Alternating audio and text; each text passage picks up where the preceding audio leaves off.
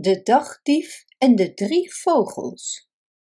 Een dagdief had geen duitgeld in zijn zak, maar wel een erg hongerige maag. Nu wist hij niet wat hij moest doen en zo liep hij de stad uit. En toen hij een eind op weg was, zat er een raaf op een tak en die kraste: Graaf, graaf! Ik heb nog liever honger dan zware arbeid te verrichten met een kromme rug, antwoordde de dagdief. Toen kwam er een ekster aanvliegen, die een goede raad voor hem had en snaterde. Bedelzak, bedelzak. Hou jij je snavel maar dicht, riep de dagdief. Ik vraag niemand om een stuk brood. Daar ben ik veel te trots voor. En zo ging hij weer verder. Uiteindelijk kwam hij bij een mus.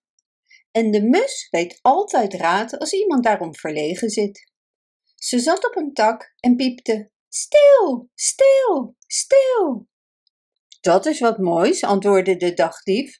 Dat hebben de raven en de ekster mij niet eens aangeraden. En die zijn toch echt niet dom en hebben er verstand van. Maar, ging hij na een poosje voort, stelen is toch nog het gemakkelijkste ambacht. En misschien hebben zij beiden mij daar uit pure afgunst niets over gezegd. Weet je wat, Mussie? Ik ga je raad opvolgen. En zo ging hij op weg om te stelen. Maar hij werd betrapt en in het werkhuis gestopt.